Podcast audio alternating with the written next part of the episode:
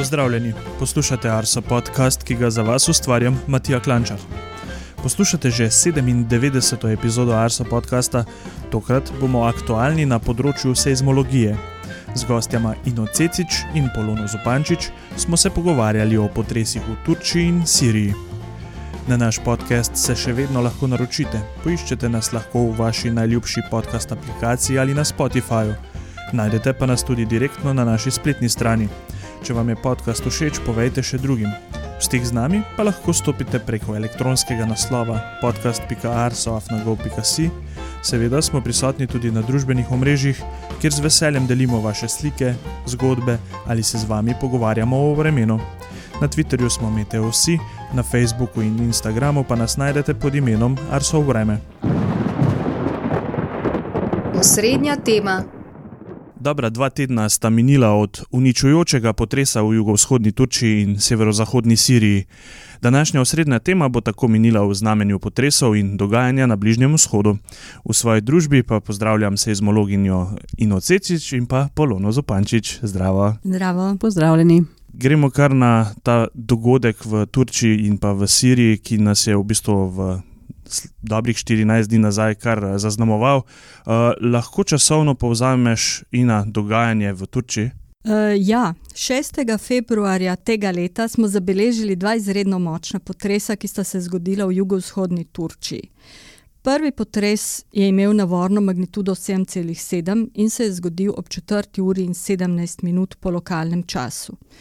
Drugi potres je imel navorno magnitudo 7,6 in se je zgodil ob 13. uri 24 minut po lokalnem času. Obe magnitudi smo povzeli po Turški agenciji za obvladovanje nesreč in izrednih razmer AFAD.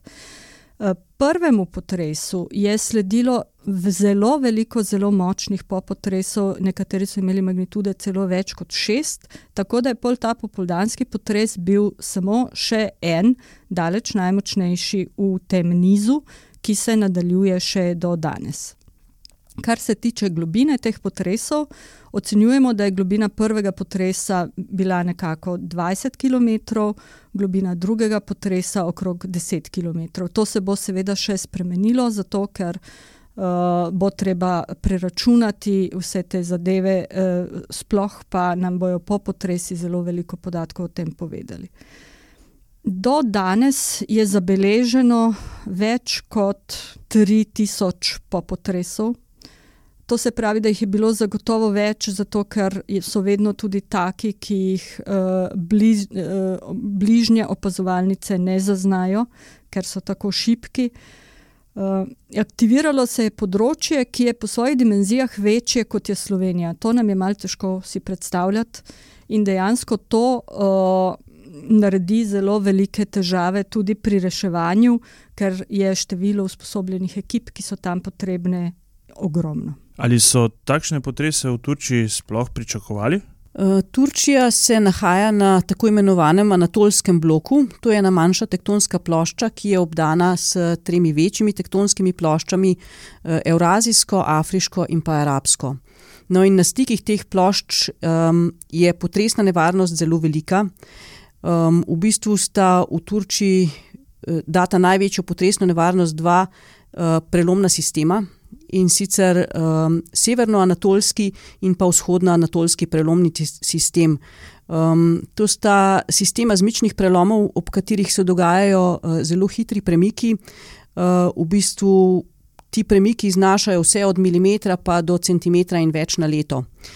Um, no, in uh, ob tem vzhodno-anatolskem prelomnem sistemu sta nastala, oziroma so nastali tudi uh, potresi 6. februarja potres na tem območju ni presenečenje. Um, turški raziskovalci so že leta 2016 v eni izmed svojih raziskav, um, glede na premike o prelomih, geometrijo prelomov in pa preteklo seizmičnost, ocenili, uh, da se na segmentu preloma, na katerem se je zgodil prvi potres, lahko uh, zgodi potres magnitude 7,7. Svet so obšle slike, fotografije, videoposnetki res porušenih zgradb. Zdaj pa glede na to, Ina, da si omenila, da je bila magnituda 7,7, um, pa da smo v bistvu po svetu vajeni tudi višjih ma magnitud, pa mogoče ne tako um, takšnih uničujočih zgradb. Um, kako je to bilo mogoče pa tukaj v Turčiji, da je bilo toliko porušenih zgradb? No, odgovor na to tvoje vprašanje je zelo kompleksen. Torej, ta potresni niz pri uh, mestu Karaman Maraš, kako so ga zdaj uh, uradno poimenovali turški kolegi, uh, se sestoji od niza izredno močnih potresov. Prvo je bil prvi potres, potem pa močni potresi, pa drugi potres. In v bistvu zgradbe so v tem območju morale prestati zelo velike premike, zelo velike energije, in so se poškodbe hitro kopičile. Nekatere zgradbe so pa padle že po prvem močnem potresu, potem smo pa tudi na videozapisih, ki smo jih spremljali iz tega območja, videli, kako tudi pri popotresih, kako se posamezne zgradbe rušijo, ker je enostavno. Uh, količina uh, energije presegla zmožnost njihovo, da to prenesejo. Potem pa učinke potresa je še povečalo dejstvo, da so se zgodili na dokaj majhnih globinah za te velike magnitude. Pri prvem potresu so ljudje še spali, so težko zapustili svoje domove in zato so ostali ujeti v ruševinah. Tisti, ki so lahko zbežali ven, so se potem, smo videli, umikali vendar so se tudi med reševanjem dogajale naslednji popotresi in naslednje nesreče. Glavni razlog te tragedije, ki jo gledamo zdaj le vsak dan, je dejansko slaba gradnja. In tukaj je odgovornost na več strani. Odgovornost je uh, prvič na izvajalcih, ki so zgradbe delali s slabšimi materijali in pogosto na načine, ki niso usklajeni z veljavnimi predpisi v Turčiji. Uh, Uh, odgovornost je tudi na lastnikih, zato ker je uh, utrjevanje pot, uh, potresno odporno graditi in utrjevati nove ali stare objekte je drago in zamudno, in potem se to nikomur ne da. In ljudje vedno mislijo, ah, sej ne bo nič takega. In ko se kaj zgodi, potem so pa posledice zelo težke. Uh, naslednji razlog je pa uh, to, da Turčija ima na papirjih izredno dobre predpise, tako kot uh, potresno uh, inženirsko razvite države, uporabljajo Eurocode. V praksi se je pa zgodilo to, da ni nadzora, da je pred zadnjimi predsedniškimi in parlamentarnimi volitvami so gradbeniki dobili na nek način amnestijo, da so lahko s plačilom globe se, uh, so, uh, njihovi objekti, ki niso bili zgrajeni po Eh, predpisih so dobili uh, uporabna dovoljenja. In to je, bil samo, to je bila ena kratkotrajna korist za državo, ker je veliko denarja prišlo v blagajno, samo zdaj so pa posledice tako grozne. Kar se tiče Sirije, tukaj imamo še dodaten problem, zato ker je to področje na severozahodu uh, že pod najmočnejšim vplivom 12 let trajajoče vojne. Tam so bili vojni spopadi, tam so bila bombardiranja, prebivalstvo je obubožano in enostavno nimajo uh, moči in načinov, da bi v, v tej situaciji primerno vzdrževali objekte. Uh, zelo veliko v tem območju je tudi beguncev, ki so se umaknili iz tega voj, vojnega območja in ki so tudi živeli v nekih naseljih, ki zagotovo niso bila zgrajena potresno odporno ja, res večplasten in pa zelo kompleksen problem. Vmes so mi misli, ne hote, verjetno tudi uhajale na naše področje, mislim, konec koncev tudi Ljubljana ni uh, na nekem takšnem potresno varnem območju zgrajena. Um, pa verjetno bomo to tudi potem na koncu, ob uh, kakšnem vprašanju ali pa pod vprašanjem, se dotaknili. Um, žal pa se sedaj ne moremo izogniti tudi vprašanju, koliko je bilo smrtnih žrtev med potresi po trenutnem štetju. Sicer tole snemamo malce prej, kot je ta epizoda išla. Žal se številke umrlih uh, vsak dan večajo. Težko je slediti, zato ker in Turčija in Sirija uh, na nek način imajo zdaj le toliko uh, dela, da uh, ne ob, objavljajo vsak dan nekih uradnih številk. V vsakem primeru je eh, število, ocenjeno število mrtvih zdaj že preseglo 40 tisoč. Glede na to, da so zdaj le samo sporadični primeri, ko reševalci uspejo iz ruševin izvleči še kakšnega živega, da to bolj sodi k čudežem kot nekem pravilu. uh, bomo čez čas, ko se tem številu potrjenih mrtvih še prišteje število vseh pogrešanih, uh, bomo dobili neke ocene, in uh, nažalost bo ta ocena zelo velika. To bo mogoče en najbolj uničujočih potresov, glede na smrtne žrtve v zadnjih nekaj desetletjih. Uh, glede uh, uradnih številk, uh, smo gledali uh, za Turčijo uh, objave njihove agencije AFAD in objave organizacije Bele čelade, to je civilna zaščita v Siriji. Kar se tiče uh, uh, reševanja v najbolj prizadetem območju, je pa ogromen problem, ker ni dovolj reševalcev, ni dovolj strojev, ki bi lahko uh, pripeljali pravočasno pomoč do vseh, ki jih potrebujejo. Uh, Eh, prebi, eh, preživele v, v širšem nadžarišnem območju, pestijo tudi zelo nizke temperature, temperature padajo pod ničlo. V začasnih bivališčih, v šotorih, ki se uh, pospešeno postavljajo za, za ljudi, ki so ostali brez domov, so tudi temperature nizke, in je za pričakovati, da bo od teh uh, posrednih posledic uh, katastrofe umrlo še več ljudi. Kakšne posledice pa je ta potres pustil na površju? Eh, vzhodno-anatolski prelomni sistem je več kot 600 km dolg in ga sestavljajo številni tako imenovani zmični prelomi. Um, ob najmočnejšem potresu se je v žarišču potresa zgodil premik več kot 3 metre in uh, aktiviral se je segment dolg več kot 200 km. Uh, ponekod je pretrg segel do površja in tam pustil številne posledice, kot so naprimer uh, uničene ceste, zvite železniške tire, uh, um, sprožil pa je tudi številne plazove in podore. Če se prav spomnim, je bilo na območju Sredozemskega morja izdano opozorilo pred tsunamijem.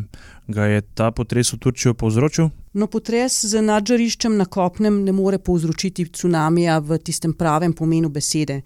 Uh, tsunami lahko nastane le s pretrgom morskega dna ob potresu in potem premikom velike količine vode nad njim. Um, tega v tem primeru ni bilo.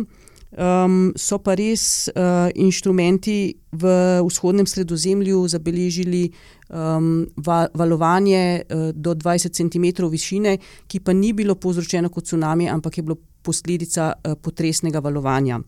Lahko pa potres na kopnem uh, posredno povzroči uh, nastanek tsunamija zaradi proženja ali podvodnih plazov ali pa zaradi uh, plazov, ki nastanejo na kopnem in potem splazijo v morje. Ampak uh, tega v primeru turških potresov ni bilo. Mm, in omenila si že, da je bilo ogromno popotresnih sunkov. Uh, kako dolgo lahko še pričakujemo, da se bodo tam na tem območju tla še tresla? Po tako močnem potresu, popotresna aktivnost zagotovo traja dolgo časa, to pomeni več let, uh, vendar magnitude po potresu s časom upadajo, in uh, jih bo na koncu uh, verjetno beležila samo kakšna uh, mreža seizmografov.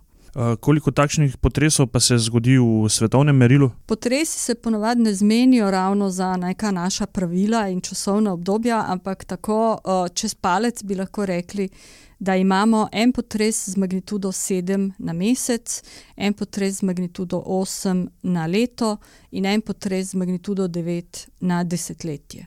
Seveda, to je pa poprečje od uh, dolgega obdobja in uh, ni nekega pravila, kdaj se bo naslednji tako močen potres, kot je bil ta v Turčiji, spet nekje ponovil. Mogoče kakšen je ta dolg niz opazovanja, da lahko potem uh, neke take okvirne številke. Seizmologi rečete? No, za zelo močne potrese v uh, sredozemlju so katalogi potresov dolgi tudi več tisočletij. Tako da za Turčijo, za to območje, ki je zdaj prizadeto, za Antakijo, ki se je nekoč imenovala uh, Antiohija, vemo, da je bila uh, porušena v potresih pred našim štetjem že za takrat se začne. Vedno znova takšni potresi povzročijo tudi razmišljanje o tem, kako se na potrese učinkovito pripraviti. Kaj lahko na tem področju storite vi, seizmologi, in pa kaj recimo splošna publika?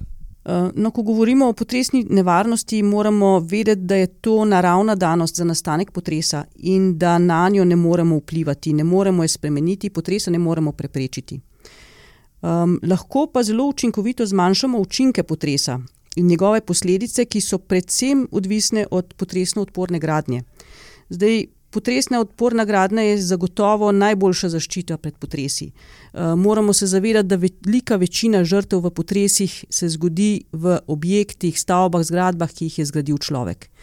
Um, gradbeniki danes znajo projektirati in graditi potresno odporno. Zato takšno število žrtev, uh, zato bi lahko preprečili število, veliko število žrtev. Um, seizmologi v bistvu um, na podlagi geoloških in seizmoloških podatkov uh, izdelamo karte potresne nevarnosti, ki so potem osnova za potresno odporno projektiranje. Um, lahko pa tudi veliko naredimo sami na način, da se um, pred potresom pravilno uh, pripravimo na potres oziroma na pravilno ravnanje ob potresu. To je, da recimo v stanovanjih uh, določimo primerna mesta za zaklon, naprimer uh, masivne mize ali pa podboji uh, vrat v nosilnih stenah. Um, lahko odstranimo težke predmete, ki se nahajajo nad um, lokacijami, kjer se pogosto do, uh, zadržujemo, naprimer nad posteljami ali pa v dnevnih sobah. Um, zelo pomemben in učinkovit ukrep je tudi pritrditev visokih omar v steno. Um, če se pa nahajamo v Na prostem pa moramo vedeti, da se oddaljimo od stavb in visokih predmetov, zato da nas ti ne poškodujejo. Um, več o tem in na svete, kako ravnati pred potresom, kako med njim in po njem, pa lahko najdemo na spletnih straneh Uprave za zaščito in reševanje bomo te povezave, ki si jih zdaj le na koncu omenila, tudi dodali k našemu podkastu, tako da bodo lahko poslušalci še več si prebrali na teh uh, povezavah. Uh, prav tako bomo uh, vaše poročilo, ki ste ga prav tako objavili na naših spletnih straneh, dodali k temu podkastu, tako da za tiste, ki jih seveda zanima še več, uh, si bodo lahko prebrali. Uh, morda še čisto za konec, uh, glede na to, da pa v zadnjem tednu uh, smo tudi v naši bližini imeli malce močnejši potres uh, v bližini otoka Krk. Um, je mogoče to, mislim, naravno se poraja vprašanje, ali je to seveda povezano in kaj nam lahko sledi.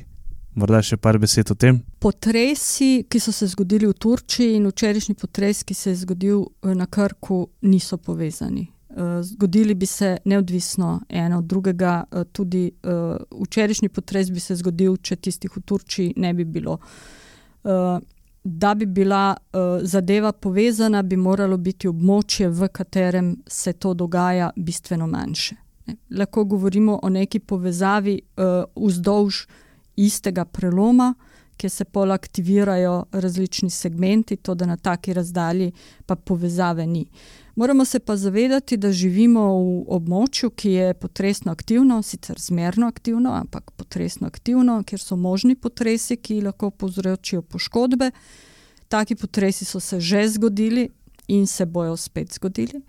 Imamo tudi prelome, ki lahko take uh, potrese naredijo, in uh, naše je to, kar je Polona povedala, da se na to ustrezno pripravimo.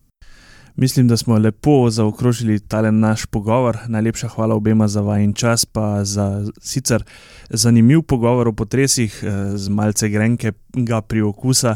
Uh, in upam, da se ob kakšni drugi tematiki iz področja seizmologije še kdaj slišimo. Hvala tudi tebi. Hvala, srečno. Obeti. V vremensko prihodnost je tokrat pogledal Brane Gregorčič. Do sobote bo k nam iz nadsredozemlja dotekal dokaj topel in vlažen zrak. Oblačnost bo iz dneva v dan nekoliko gostejša, v četrtek in petek bo ponekod na zahodu in jugu Slovenije že rahlo deževalo. V soboto bo Alpe od severa dosegla hladna fronta in čez dan razmeroma hitro prešla tudi Slovenijo. Padavine bodo zajele vso Slovenijo in do večera v glavnem že ponehale. Po nižinah bo večinoma deževalo. V nedeljo se bo nad srednjo Evropo okrepilo območje visokega zračnega tlaka, nad osrednjim sredozemljem pa bo nastal ciklon. K nam bo od severovzhoda nekaj dni pritekal hladen in dokaj suh zrak. Sredi prihodnjega tedna se bo ciklon prek Italije približal severnemu Jadranu, a bo že precej oslabel. Od nedelje do četrtka tako kaže na deloma jasno, a hladno vreme z burjo na primorskem. 97. epizoda Arso podcasta je pri koncu. Do prihodnjič pa vam želim še obilo lepega vremena in se slišimo.